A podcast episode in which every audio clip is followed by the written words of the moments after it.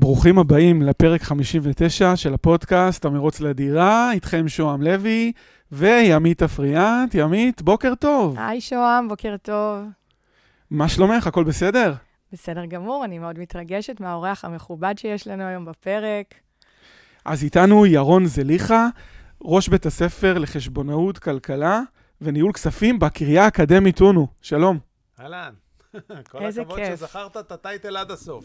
כן, זה היה טייטל, טייטל מאוד ארוך.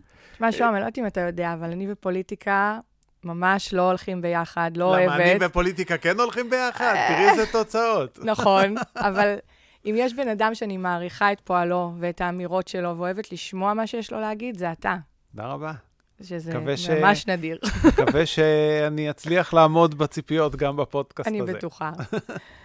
אז זהו, ככה, באמת פתחנו את 2023, אנחנו מקליטים באמת uh, בשני לראשון, ממש uh, אחרי החגיגות סילבסטר, וכל החדשות אתמול, עליות מחירים, עליות מחירים, המים, הארנונה, החשמל.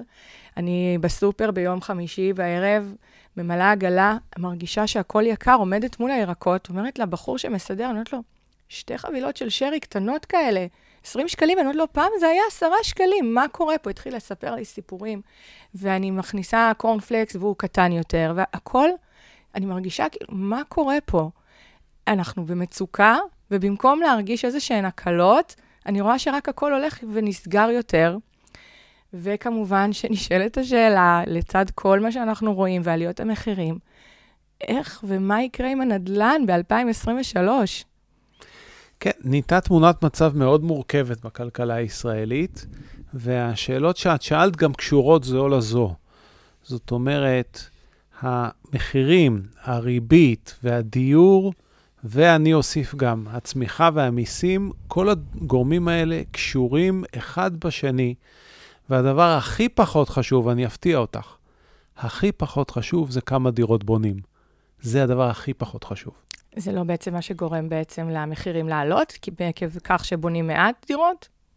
לא, ואני אדגים לך את זה בשתי דוגמאות. וואי, זה חדשני. ראשית, בשנה האחרונה בנו הכי הרבה.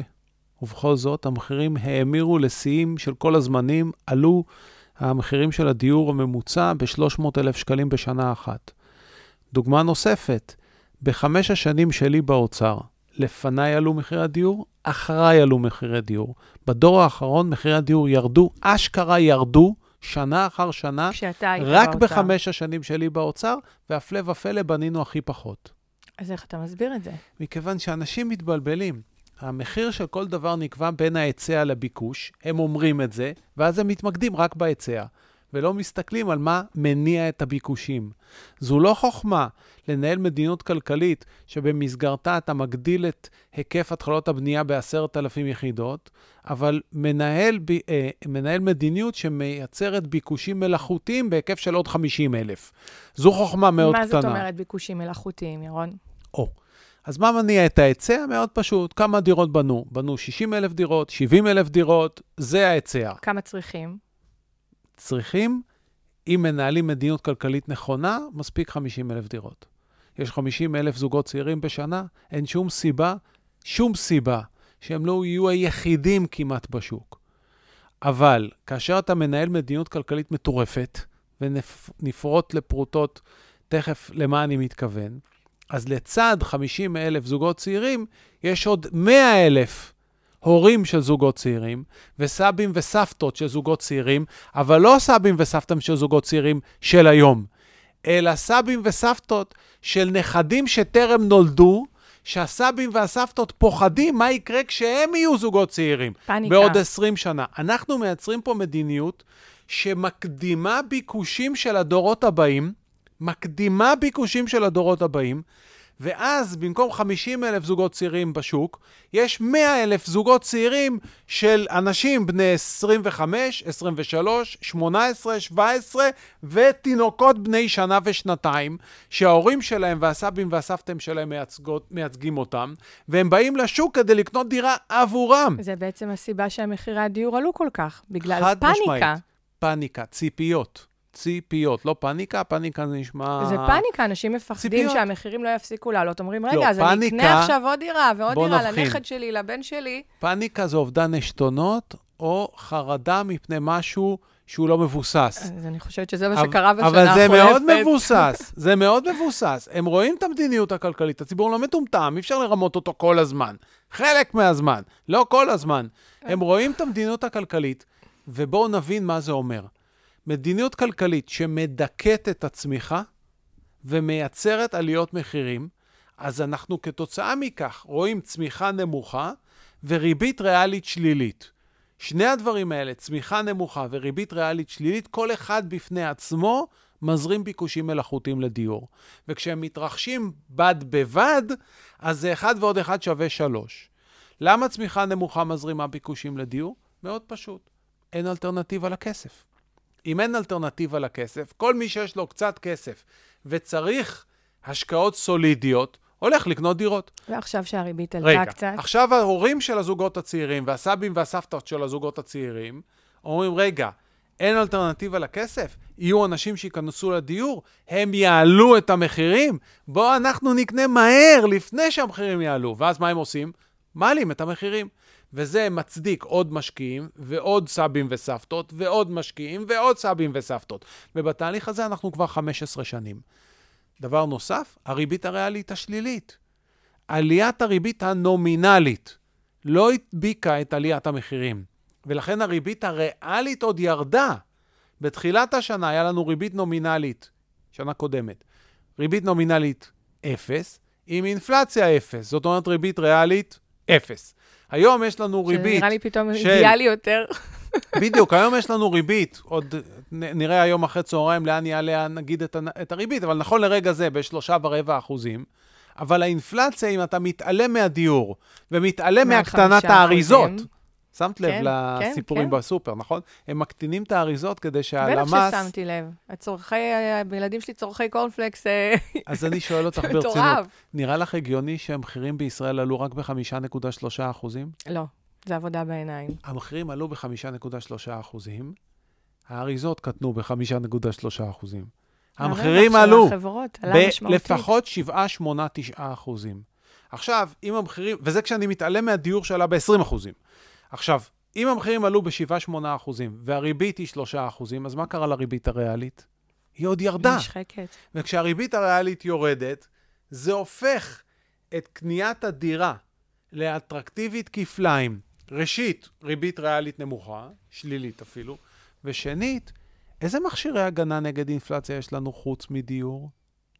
תחשבי על זה. אז הפכנו את הדיור לעוד יותר אטרקטיבי.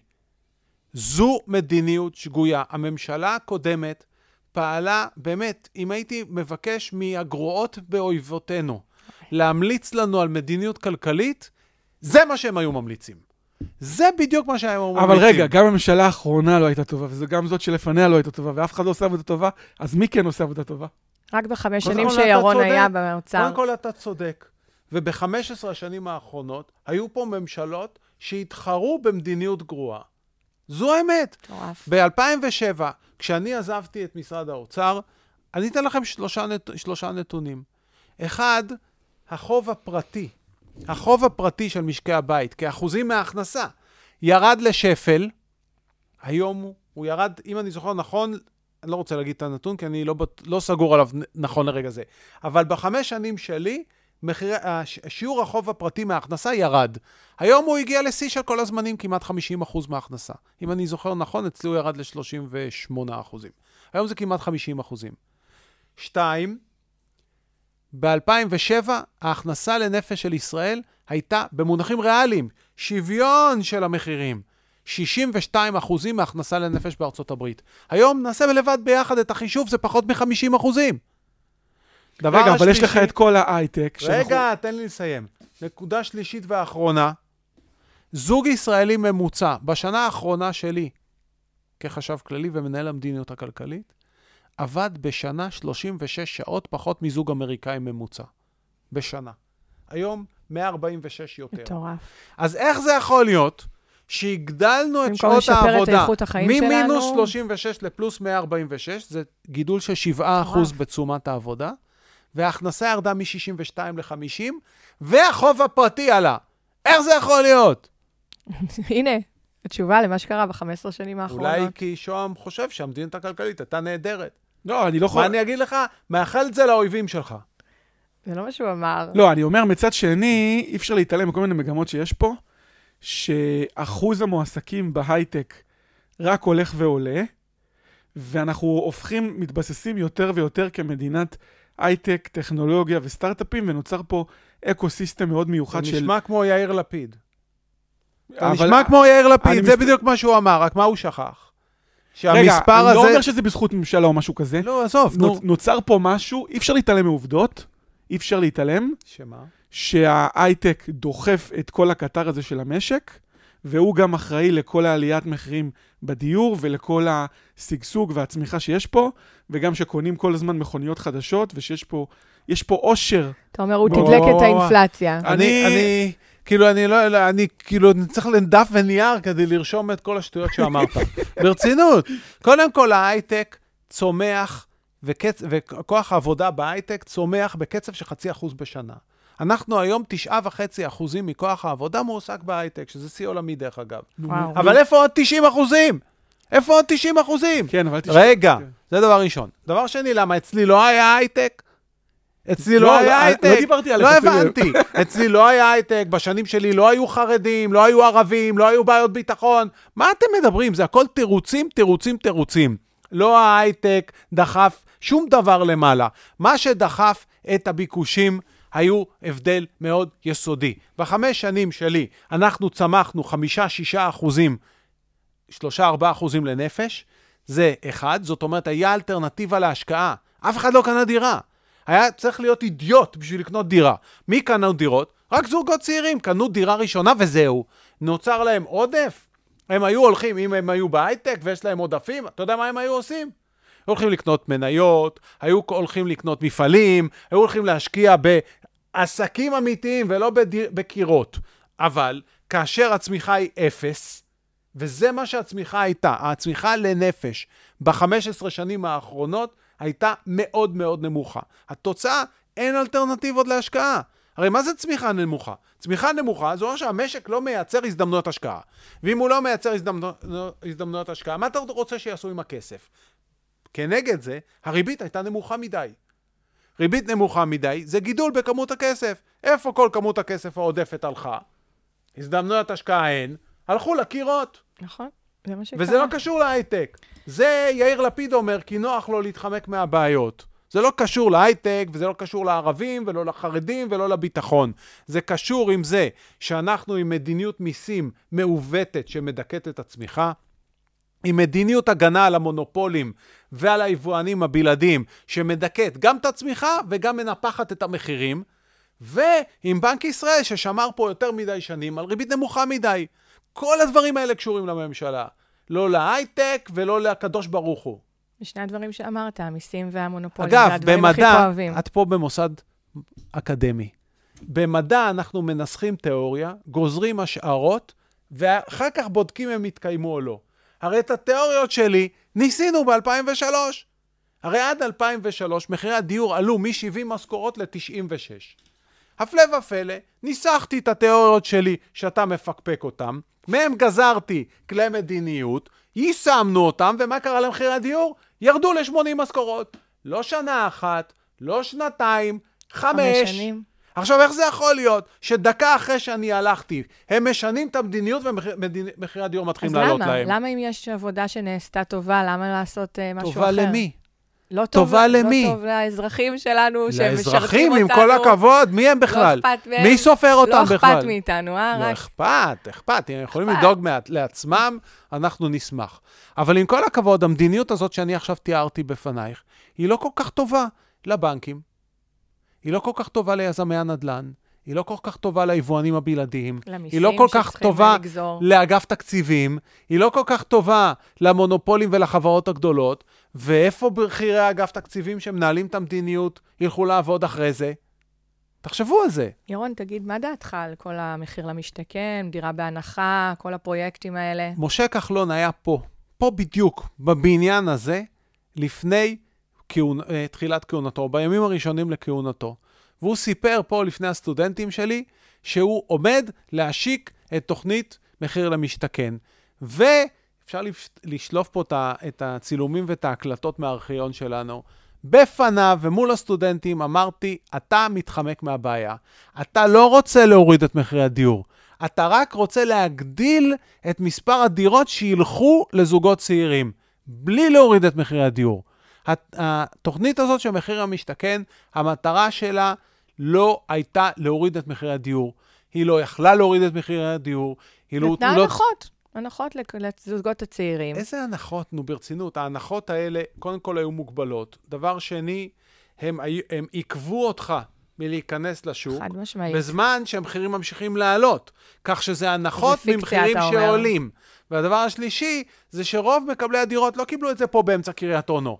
קיבלו את זה במקומות שהם לא רצו לגור בהם. אבל עדיין קיבלו במקומות שאני בכלל לא מבינה למה הכניסו אותם, כמו גליל ים ורמת אפעל וערים, נכון, זה שאני לא מצליחה להבין למה בכלל היה צריך לשווק שם את הפרויקטים האלו. תסלחי לי, בשנים שלי לא היה לא מחיר ומשתכן, ולא הנחות, ולא נעליים, ובנינו הכי מעט. אני אומר לך, בנינו הכי מעט, תבדקי. הם בנו ב-15 שנים האחרונות בממוצע לשנה הרבה, הרבה, הרבה יותר. מה הייתה הריבית בתקופה שלך? בסביבות 5 אחוזים. 4-5 אחוזים, זו הייתה הריבית. וזה לא הטריד איש, את יודעת למה? כי כשאתה לוקח דירה שעולה 2 מיליון שקל, ולוקח משכנתה של מיליון ושלוש מאות בריבית של 2 אחוז, אתה צריך לקחת את זה גם ל-30 שנה, וזה הרבה יותר גרוע מלקחת משכנתה על דירה שעולה רק 700 אלף שקל, ואז אתה צריך רק 300 נכון, אחוזים. נכון. ואז אתה גם לא צריך 30 שנה, מספיק 7 שנים או 10. חבר'ה, בשנים שלי המשכנתאות לא היו 30, גם לא 20, גם לא צריך את זה. גם לא, לא איתרנו לקחת שחלק גדול מהמשכנתה זה בריבית משתנה, כי ידענו שזה מסוכן. לא הסכמנו לזה. ב-15 השנים האחרונות, בנק ישראל, כדי להסתיר את זה שמחירי הדיור כל כך עלו, ומטילים מסע אדיר על כתפיהם של הזוגות הצעירים, הם הכניסו אותם למלכודת. אמרו להם, עזבו, במקום לשלם 7,000 שקל לחודש, בואו תשלמו 3,000, רק לא על 10 שנים, על 30 שנה. נכון, ומה שהוא לא אמר לו זה גם איך הריבית הזו יכולה להשתנות, וכמה יעלה לו ריבית והצמדה לאורך ה-30 שנה, ושהוא ישלם מעבר ל-50% ממה שהוא לקח. אם הם היו מקפידים להקשיב לפודקאסטים, לא היה אז פודקאסט, פודקאסטים לפני 15 שנה, אבל לרעיונות שלי בכל כלי תקשורת אפשרי, הם היו שומעים שזה בדיוק מה שעומד לקרות. הרי אי אפשר להחזיק בריבית נמוכה לנצח, זה לא עובד ככה. כן, אבל הריבית היא נקבעת בעולם, גם הפדרל ריזרב קבע ריבית אה, נמוכה. אפילו יש בנקים שקבעו... אחי, אתה צריך לבוא לפה ללמוד אצלי כלכלה, זה פשוט לא ייתכן, כמות השטויות שאתה מדבר. לא, באמת, יש גבול. אני לא נעלב, יש לי תור בכלכלה, אגב. לא- אוי ואבוי, אני בכלל מזועזע. ממי? מהמכללה המינהל. נו, ברור, מגיע לך. בחרת במכללה המינהל ולא בקריאה האקדמית, נו, זו התוצאה, אתה מדבר שטויות. חבר'ה, הריבית כן. במדינה מסוימת נקבעת על פי שלושה פרמטרים. אחד מהם זה הריבית בעולם. אחד מהם בלבד. כן, אבל כל רגע. הבנקים המרכזיים בכל העולם נהיה עם ריבית אפס. היו. היו בריבית אפס. אז אם בנק ישראל מנהל מדיניות של ריבית גבוהה, הנה אני אקשה עליך, אז יהיה פה, אה, השקל יתחזק מאוד, יהרוג את ההייטק, יהרוג את הייצוא, ואין כלכלה. עכשיו תגיד את האמת, זה מה שלמדת במכלל המינהל? כן. וואו, וואו, וואו. שאלוהים יעזור להם. אוקיי, אז שלושה מרכיבים, ריבית העולמית. קודם כל, תראי כמה, כמה שגיאות הוא שגה. הדבר הראשון שהוא אמר, זה שאם הריבית בעולם יורדת, הריבית במדינה מסוימת גם כן חייבת לרדת וכן הלאה. אמ, כאשר כן. הר... השוויון של הריביות הוא לא פונקציה של שוויון הריביות הנומינליות. הוא לא פונקציה של שוויון הריביות הנומינליות. הריבית הישראלית לא יכול להיות שווה לריבית האמריקאית. קודם כל, אתה משווה את הריבית הריאלית ולא הנומינלית. זה דבר ראשון. דבר שני, השוויון הוא לא בין הריביות הריאליות, אלא לבין הפער בין הריבית הריאלית לצמיחה לנפש. במצב שבו אתה רוצה לשמור על יציבות מחירים ולמנוע ארביטראז'ים בין ישראל לבין העולם, אתה צריך לשמור על ריבית ריאלית ששווה לצמיחה לנפש. בארצות הברית בעקבות 2008 התרסקה הריבית לאפס. מדוע? כי הצמיחה ירדה לאפס. כן. הצמיחה, האמריקאים הורידו את הריבית, אבל הם שמרו על ריבית שיווי משקל. זאת אומרת, שמרו על הפער שבין, שמרו על השוויון של הריבית הריאלית לצמיחה לנפש. הם לא חרגו ממנו, בוודאי שלא יותר מאחוז אחד.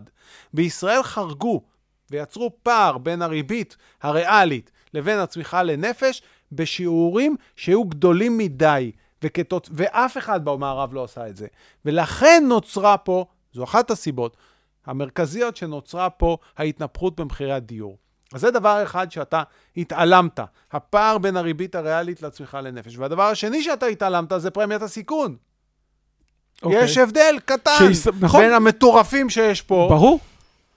אז לכן הריבית זה דבר הרבה יותר מורכב מהסיסמאות האלה, שם עלה, פה תרד, פה תרד, שם תעלה. זה יותר מורכב.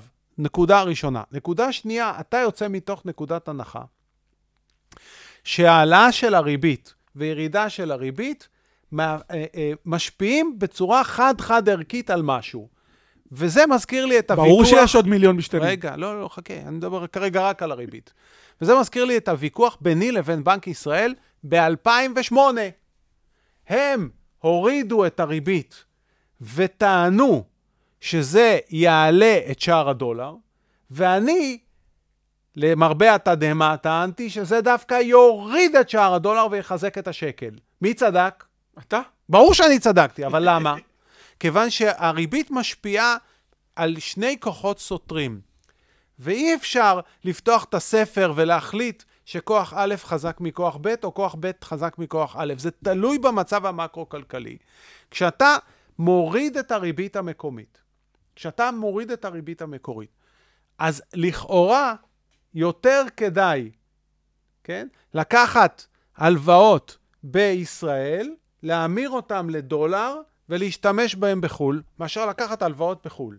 carry trade, מתכוון? כן, ולכן, okay. אוקיי. כתוצאה מירידת הריבית, לכאורה שער הדולר אמור לעלות, כי אתה מייצר פה ביקוש לדולר. מהצד השני, ירידת הריבית, בוודאי כשהיא מייצרת פער בין הריבית הריאלית לצמיחה לנפש, גורמת למלא מלא דולרים מהעולם, לבוא ולהגיד, יש פה מישהו שמנפח את הבורסה המקומית. בוא נביא לפה דולרים ונשקיע בבורסה המקומית. והנה פתאום אתה רואה לחץ לירידת שער החליפין. מה יותר חזק? אי אפשר לנהוג במשק כאילו הוא סטטי. אתה צריך להבין את הדינמיקות, את הכוחות, את המצב המקרו-כלכלי. זה יותר מורכב. ולכן, הכישלון של בנק ישראל הוא כל כך מרגיז. כיוון שהם ראו שנה אחר שנה שהם מנפחים את מחירי הדיור, מרסקים את, את, את הדולר, הורגים את היצואנים, והם ממשיכים באותה מדיניות. טוב, אני ברשותכם רוצה לחזור לנדל"ן. לא, הוא הרגיז לא- אותי. אל תתרגז. שהוא- אתה צריך לבוא ללמוד זה לפה לא תואר. שני במנהל עסקים. יאללה. שוהם, שיתקנו לך את הקלקולים שלמדת. אם לא יהיה פה אקשן, איך אנשים יקשיבו? נכון, אתה צודק.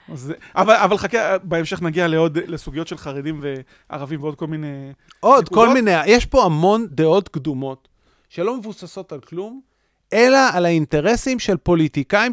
וכלי תקשורת ששטפו לכם את המוח. אוקיי. אתה רוצה לדבר על חרדים? לא, רגע, חכה. אני רוצה שימית תוביל, ואחרי זה... יאללה, קדימה. בהמשך נגיע לכמה סוגיות מאוד מאוד אה, מהותיות ש... לא, שהולכות להשפיע על החיים פה. מעניין אותי עכשיו, גם אנחנו מרגישים איזושהי האטה ברכישות. אוקיי, אני לא אומרת שמורגשת איזו ירידת מחירים עדיין, אבל לגמרי עורכי הדין, השמאים, כל מי שנוגע בתחום, מרגיש שהשוק קצת זה לא נעצר. טבעי, אחרי שעלו מחירים ב-300 אלף שקלים. כן. ברור שיש האטה בקניות, אבל יש גם האטה במכירות. בואו לא נשכח גם את זה. כדי שמחירים ירדו, המכירות צריכות להיות יותר גדולות מהקניות. וזה לא קורה כרגע. לא קורה וגם לא יקרה. זהו, זה מעניין אותי מה שאתה זה חושב. גם לא קורה ולא יקרה, אבל אני רוצה לסייג את עצמי, אני עדיין לא יודע מה תהיה המדיניות הכלכלית של של שר האוצר. החדש. כן. ס... אני יכול להבטיח לך דבר אחד, אם הוא ישמע ויעשה את מה שאני המלצתי, מחירי הדיור ירדו. אתה יכול לסכם לנו ממש בשלוש נקודות את ההמלצות שלך? כן, אבל? תזכרי שבסופו של דבר מדיניות לא מנהלים עם שלוש החלטות, אלא פורטים אותם למאות של החלטות בוודאי. ספציפיות. כך שאם עושים שלוש, ואחר כך דרך ההחלטות הספציפיות מרוקנים מתוכן את מה שאמרתי, רחוק לא נגיע. אבל עיקרון אחד, אנחנו צריכים רפורמה במיסים. אנחנו במצב שיש אי שוויון דרמטי במערכת המס שלנו. המס על ההון האנושי, על אנשים, שכירים, צרכנים, עסקים קטנים, גבוה מדי. לעומת זאת, המס על ההון, מה שכלכלנים מתכוונים הון זה לא כסף, זה אמצעי ייצור. החברות הגדולות בעיקר, נמוך מדי.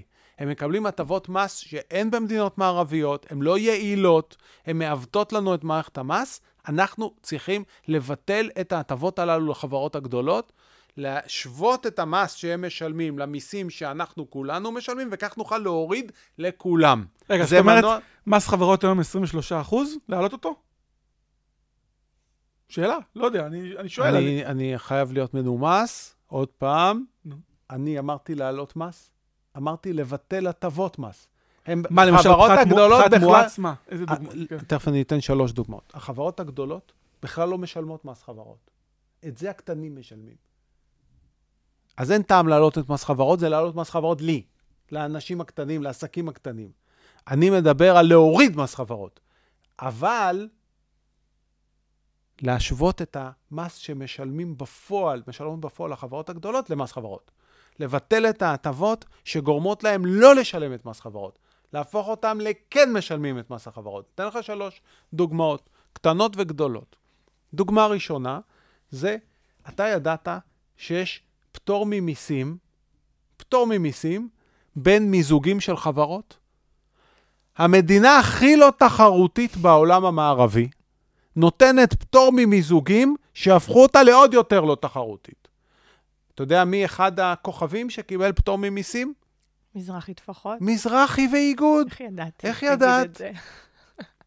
מזרחי ואיגוד. אחד המהלכים הלא טובים שקרו גם לדעתי. נכון. למה סגרו? כאילו, למה? למה? ועכשיו כי- קמו שני בנקים לא, אני חדשים. מתפלא עלייך, באמת. כן.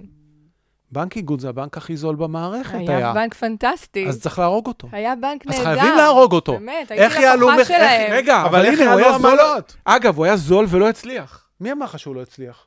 מה זה? מי ל- אמר לך למה הוא שהוא הפך לא להיות הצליח? אה, בנק ענק? לא, הוא נכשל. זה למה? המבחן אבל שלך? גם הבינלאומי אז בוא זה נסגור את בנק כל קטן, העסקים וגם, הקטנים. אה, התפקיד של עסקים קטנים זה להפוך לעסקים גדולים? אם מישהו היה רוצה להיות עסק גדול, הוא היה מקים לא. מראש עסק גדול. יש עסקים שמראש חושבים שהם יכולים להרוויח הנה, יותר. אבל, אבל רמי לוי, לפחות בשנים הראשונות שלו, מכר בזול ונהיה גדול. למה לא? אבל זה לא אומר שבנק איגוד לא רצה להמשיך למכור בזול ולהמשיך בהת... בהתנהלות שלו. הוא הרוויח יפה מאוד. דרך אגב, הרוויח יפה מאוד. מה, מה שמנע את ההתפתחות שלו, אגב, זה היו בעלי המניות, שלא היו צריכים לקבל היתר שליטה מלכתחילה. גם, אה, יש לך יתרונות לגודל בבנקאות, השקעות במערכות ליבה ומעבר לענן, וזה השקעות מטורפות מטורפות. ככל שיש לך בסיס לקוחות יותר גדול, אתה יכול יותר ליישם אותו ולהתחרות ב... אותי לימדו כן. שיש גם חסרונות לגודל. ברור. ולכן, אבל, אבל בבנקאות, אה, ככל שאני יודע, אז זה... מה שאתה יודע כנראה לא עולה בקנה אחד עם המלצות ועדת שטרום, שאומרת שעיקר הפוטנציאל התחרותי יהיה בבנקים קטנים. קטנים. הנה, הבנק הדיגיטלי, בוא נראה אותו. אני לא חושב שהוא י- י- יביא לתרומה משמעותית מהסיבה הפשוטה. בנק איגוד היה בגודל של אולי פי 20 מהבנק הדיגיטלי. כן, אבל רק התחיל שזה... הבנק- כן. נכון, אבל עד שהוא הגיע ל... להון של בנק איגוד יחלפו עוד המון המון שנים, ובינתיים סגרת את בנק איגוד. סגרת את בנק איגוד, לא הפרדת את ויזה קל מבנק דיסקונט, סגרת את בנק דקסיה, סגרת את בנק אוצר החייל, זה הכל מהשנים האחרונות. הכל מהשנים האחרונות.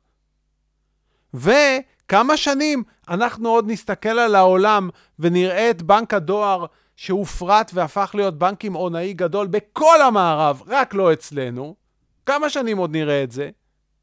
במקום להמציא לנו בנקים דיגיטליים שהתרומה שלהם שולית, לא כדאי שתפסיק לסגור בנקים?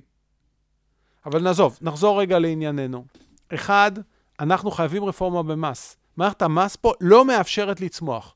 היא הופכת, או היא מעודדת, חברות גדולות, שמנות וטיפשות, והורגת את העסקים הקטנים.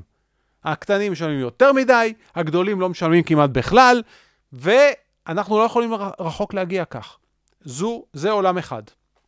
עולם שני, אנחנו הפכנו את ישראל לאי, לאי, למעבדה סגורה, שאי אפשר לייבא לפה שום דבר.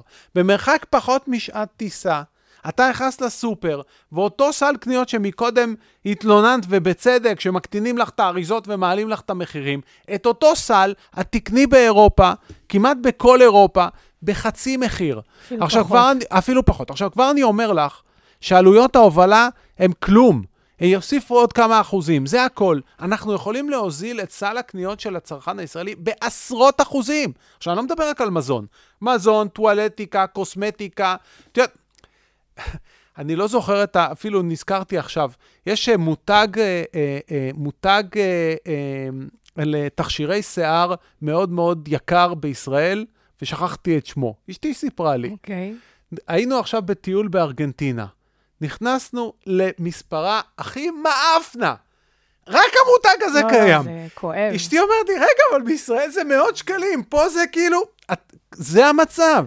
ואתה מדבר על תכשירי שיער, אני הייתי בטורקיה בבית מרקחת, וקניתי כל מיני תרופות למשחה, לפצעים, לפה, ואקמול, וכל מיני דברים, בשקלים ספורים. טורקיה. עזבי. טורקיה. יוון, פורטוגל, גרמניה, צרפת, איטליה, ספרד. רוב אירופה ככה, חבר'ה, רוב אירופה, אתם לא מבינים. אנחנו משלמים על בירוקרטיה. אתה לא משלם על כלום, זה לא מיסים, בירוקרטיה, ומיסים. חסמו אותך. מכסים, מכסים. בוא אני אתן לך דוגמה. אני ב-2012, בעוונותיי, הסכמתי, למה אני אומר בעוונותיי? תכף תגידו. בתמימות שלי, הסכמתי לעמוד בראש ועדה ציבורית שתסיר את החסמים התחרותיים משוק הרכב. רכב, מוסכים, חלפים וכן הלאה. זוכר את זה. כן. מצאתי 52 הגבלים עסקיים, שאת כולם הסכימה עליהם הממשלה, וכולם בידי הממשלה. יכולה להסיר את כולם. הגשתי את ההמלצות האלה לשר התחבורה, הלך למות. הוא הלך למות, כי מה? כי הוא לא, כי הוא לא התכוון שאני אעשה עבודה כזאת רצינית. ומ-52 ההמלצות הוא החליט ליישם רק שלוש. רק שלוש. אחת ההמלצות שהוא יישם, הייתה ההמלצה הבאה, שאותה צריך להרחיב לכל המשק. עם התקנים. עם התקנים, בראבו. מוצר, חלק חילוף, שעומד בתקן אירופי. לא צריך, למה צריך אמריקאי. להעביר אותו לא פה? צריך כלום, תביא, אתה לא צריך לשאול אף אחד, לדווח לאף אחד, לת... כלום. לפני זה הם חסמו, הם טענו שהתקנים האירופאים זה לא בטיחותי, ולכן אי אפשר להביא חלקי חילוף שעמדו בתקן אירופי, אלא אם כן אישרו כל חלף וחלף וחלף, והם לא אישרו כלום. ברגע כי תמיד אומרים שזה על, את אה, ה- על בטיחות או משהו. אבל זה קשקוש. הנה, אם הוא עבר את באירופה, התקנים. למה שבישראל לא? בדיוק, מה, בצרפת לא, מח, לא מחמירים, או בשוודיה לא מחמירים בבטיחות, רק פה. עכשיו, הסרנו את ההגבלה הזו, מחירים ירדו בחצי. חצי, מדהים. בול. עכשיו בוא אני אגיד לך משהו, היו עוד שתי המלצות. מתוך ה-52 היו עוד שתי המלצות שנוגעות לחלפים, שאותם שר התחבורה לא העביר. מהמם. אם הוא היה מיישם גם אותם, המחירים היו. יורדים ב-70 אחוז, לא 50-70. חבר'ה, זה בידיים שלנו. אז זה העולם השני. העולם הזה של מכסים, מכסות יבוא, תקינה, וכמובן, ההגבלים העסקיים שקשורים לזה, היבואנים הבלעדים שחותמים על חוזים שאוסרים יבוא מקביל וחוסמים תחרות, זה עבירות פליליות. אממה, לא מכריזים עליהם כמונופולים, אז החוק לא חל עליהם. כן, אבל בכל מקום שלא תלך, יש פה אינסוף קבוצות לחץ ואינטרס שמונעות מאיתנו למחירים זולים. נכון, צריך לטפל בכולם. בגלל זה צריך צריך אנשים... לטפל בכולם. כן, אבל ברגע רגע, שאתה... אבל זה היה העולם השני. רגע, מה רגע, עם רגע, העולם הנה, הנה, השלישי? רגע, אתה מטפל בכולם, ואז כל אחת צועקת, עושה בלאגן, והרפורמה נמנעת. ככה גם בחקלאות היה, בכל דבר. זה- זה- זו תראה, המציאות. כבר לא נעים לי, אני לא אחזיר אותך לחמש השנים שלי. אתה חושב שבחמש השנים שלי יצרנו צמיחה של חמישה-שישה אחוזים, הורדנו את מחירי הדיור, הורדנו את המיסים, סגרנו את הגירעון הממשלתי, והורדנו את החוב הפרטי בזה שזרקתי אורז על אנשים? כן, צריך לריב. מה לא- לעשות? אני לא מזכיר את המדיניות שלך. הנה, אז עכשיו, עכשיו, הממשלה, העם בחר אנשים נחמדים. בוא נראה אם, אה, לאן הם יגיעו עם נחמדות. מקודם היו נחמדים אחרים, ראינו לאן הם הגיעו. בוא נראה, עכשיו בחרו נחמדים אחרים. בוא נראה, לאן נגיע עם נחמדות? בנחמדות אתה לא תגיע לשום דבר. מה אתה חושב, אתה תשכנע את הטייקונים או את היבואנים הבלעדים להוריד לך מחירים כי אתה נחמד? או כי אתה מבקש יפה? תשמע, במקרה שלי... תבקש. לך על זה. אבל אה, בדיוק, אף אחד לא... רגע, אבל לא דיברנו על המרכיב השלישי. כן. מה המרכיב השלישי? התקציב שלך לא יעיל. יקירתי, תן דוגמה. כשאני נכנסתי לאוצר ב-2003, החלטתי החלטה ראשונה, לא לתת לאף חברה ממשלתית לבנות פה פרויקט תשתית יותר מ-100 מיליון שקל. לא מקורות, לא מע"צ, לא נטע, לא רכבת, לא נעליים. הכל, שיתאימו את עצמם. הכל מכרזים בינלאומיים, BOT ו-PFI, בא זוכה, שם לך ערבויות בנקאיות של מאות מיליונים, הוא, המחיר הוא במכרז, יש לו התחייבות לגמור בזמן, נגמר הסיפור. בחמש שנים בנינו ככה את קטע 18 של כביש 6, את הרכבת הקלה בירושלים, את מנהרות הכרמל, את 431, את הנתיב המהיר בכניסה לתל אביב, את כל מתקני ההתפלה, את בית הסוהר הפרטי בבאר שבע, כמויות פסיכיות של פרויקטים. כולם הסתיימו בזמן, לא פותחים ח- חצי עיר ל-500 שנה ולא יסגרו אותה אף פעם. זה לא עובד ככה.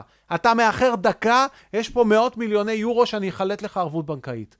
פשוט... אין היום את הסנקציות האלו? לא, אחרי שאני הלכתי, ביטלו, ביטלו את הפרויקטים האלה. אמרו לא, מחזירים את זה חזרה לחברות הממשלתיות. עכשיו, למרבה המזל, היה פרויקט אחד שהיה באמצע. אז יש לנו מחיר שזכה במכרז, מול מחיר בפועל שהחברה הממשלתית בנתה. קוראים לזה הקו האדום. אני ביצעתי מכרז, בחרנו קבוצה בינלאומית שזכתה בקו האדום, הקו האדום של הרכבת הקלה, בשבעה מיליארד שקלים. זה המחיר. והם התחייבו עם מאות מיליוני יורו של ערבויות בנקאיות לסיים את הפרויקט ב-2013.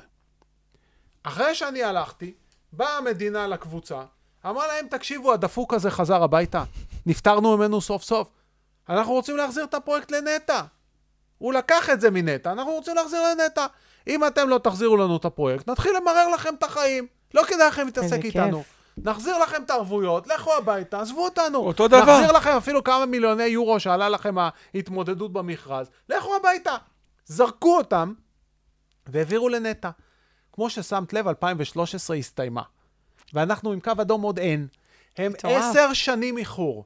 עכשיו, רק שתביני, כל שנה של איחור זה נזק למשק של מיליארד וחצי שקלים. בפקקים ובזיהום האוויר שהיה נחסך לנו. עשר שנים זה 15 מיליארד, נכון? רגע, עכשיו, מה עם השבעה מיליארד שהם היו אמורים לבנות? אנחנו כבר ב-22. אנחנו 22 מיליארד בנו שקלים. ברחבי העולם כנראה. 22, נטע בנו ב-22 מיליארד שקלים פרויקט שהיה לנו קבוצה בינלאומית עם ערבויות בנקאיות שאמורים לבנות ב-7 מיליארד. 15 הפסדנו בזיהום אוויר ובפקקים, 15 הפסדנו בעלות הנוספת, זה 30 מיליארד שקלים שזרקנו לק... לפח. עכשיו, מי שילם את ה-30 מיליארד? הרי מקודם דיברנו על זה. החברות הגדולות בקושי משלמות מיסים. אני ואתה. אני ואת. כן. שוהם כנראה לא, יכול להיות שנתנו לו פטור במכרז המינהל. אז שימי לב, פרויקט שהיה אמור לנו- לעלות לנו שבע, בעצם כבר עולה לנו 37. לא, אין לתאר. עכשיו אני שואל אותך ברצינות, את היית נותנת לנטע לבנות לך בית? לא.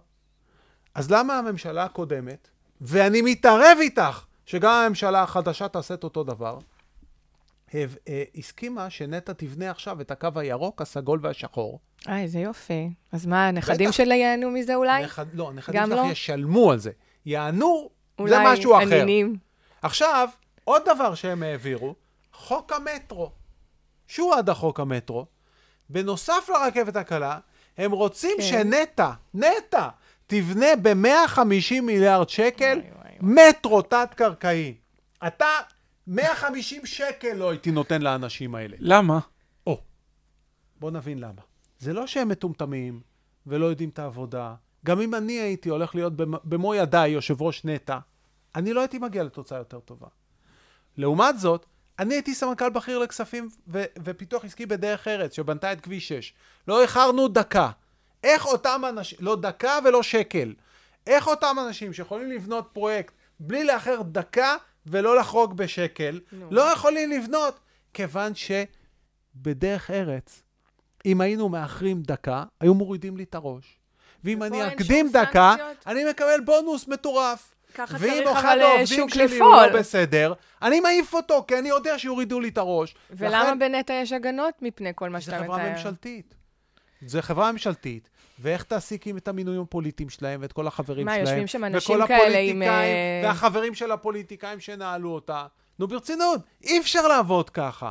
אי מה, אפשר יושבים לעבוד שם כאלה עם ככה. קביעות שלא עובדים ובאים, אה, זורקים את העט בארבע? זה מה שאתה מתאר? שלא לא, אכפת הם להם? עובדים קשה, אני לא אומר שלא. אבל התש- התש- התשובה, התשובה היא מאוד פשוטה. אם הם חורגים ב-15 מיליארד ומכפילים את העלות פי שלוש, מה יקרה להם? ייתנו להם עוד כסף. ייתנו להם את המטרו ב-150 מיליארד שקל. נו. שיהיה עבודה לעוד 600 שנה. ואם הם חורגים בעשר שנים ועוד לא גמרו, עשר שנים! עשר שנים! הם חורגים, את יודעת מה זה עשר זה שנים? מטורף. החברה הפרטית שמה מאות מיליוני יורו לגמור את זה בשבע שנים. אלה חו- לקחו את השבע, הוסיפו עוד עשר ועוד לא סיימו. עוד לא סיימו. ירון, איך כל המרכיבים שציינת, שלושת המרכיבים האלה, קשורים בעצם לעליית מחירי הדיור? או, כיוון שכל המרכיבים האלה, אגב, נתתי רק דוגמה בתשתיות. אתה, כל התקציב מלא ב- בשטויות כאלה. כל התקציב. אני יכול לתת לך תכף עוד כמה דוגמאות. אז כשאתה לא יעיל בתקציב, אתה צריך לגבות מיסים גבוהים מדי. כשאתה גובה את המיסים רק מצד אחד באוכלוסייה, מעסקים קטנים וצרכנים ושכירים, ואת החברות הגדולות אתה שחררת כאילו הם פה פרי ריידר, אז מה שאתה מקבל זה חברות גדולות טיפשות ומטומטמות. עסקים קטנים מתים וקורסים, וכל המשק לא צומח. משק לא צומח, אין הזדמנויות השקעה. אין הזדמנויות השקעה, הולכים לקנות. קירות. אוקיי, אז אתה אומר שזה מתדלק את זה גם.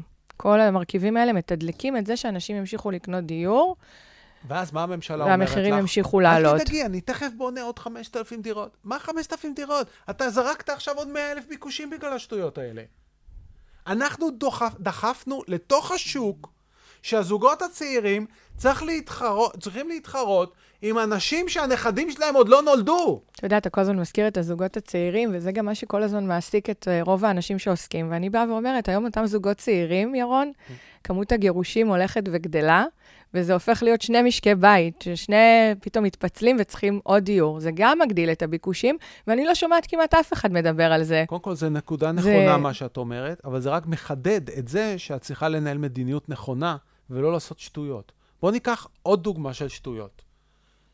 דיברו על זה שהממשלה הקודמת, שהיא מאוד חרדה לרמת הסוכר של אנשים, כן, ולכן היא מטילה את ה... מס של 40 אחוזים על משקאות ממותקים. נו, זה הצד שכולם, חוץ מה... כן, אבל עכשיו מעלים את מחירי המים. נו. הפטריוטיות היא מפלטם של נבלים או מטומטמים. לפני. שאתה מטיל מס, כן. כדאי לבדוק בספרות המחקרית אם מיסים כאלה עבדו. יש מוצרים שגמישות הביקוש, לא הנה, יודע, אולי אבל- לא לומדים במכלל אז- המינהל גמישות סיגריות. ביקוש, אז אני לא יודע. לא. אבל יש מוצרים, סתם, סתם, מסכנים בסדר, במכלל המינהל, כאילו, די. זה שאתה סטודנט לא טוב, זה לא אומר שהם אה, הם לא בסדר. שם לא להיעלם. נו, נו, סתם, אני מתלוצץ איתו. לא, הכל. טוב, הכל טוב, אני לא... הכל בסדר, הוא אחלה. שואל שאלות, סגרתי איתו מראש את השאלות, והוא לקח על עצמו להיות הקורבן של השאלות. אז יש מוצרים שגמישות הביקוש שלהם היא מאוד נמוכה, ולכן מיסוי לא עובד. יתר על כן. יש מוצרים שכדי לעודד אותך לרכוש, יותר קל מאשר שלעודד אותך לא לרכוש. זאת אומרת, לפעמים יותר כדאי להוריד את מחיר המים ולייצר דיפרנציאציה בין מים למשקאות ממותקים, מאשר להטיל מס על משקאות ממותקים ולייצר את הדיפרנציאציה דרך עונש. והדבר השלישי, זה שבמצב שבו השוק הוא לא תחרותי, אז כל המס יתגלגל על הצרכן, ובמצב שבו אתה מטיל את המס, לא רק בשוק לא תחרותי, אלא בתחילתו של גל אינפלציוני, יבוא המונופול ליצרן ויגיד, איזה כיף, הממשלה פתרה לי את הבעיה, אני, אני מטתי להעלות את המחיר ב-30%. אבל קצת חששתי, אולי הם יכעסו בבחירות, הציבור קצת יכעס בבחירות, ואולי יצביע לאנשים שייכנסו בי. אז אני רציתי להסליק את העלייה הזאת. שקלתי אולי לא- להקטין את הבקבוק, או, או לגרום לכך שלא תבינו שהכרתי. אבל אם הממשלה העלתה מס, בוא נרכב עליהם.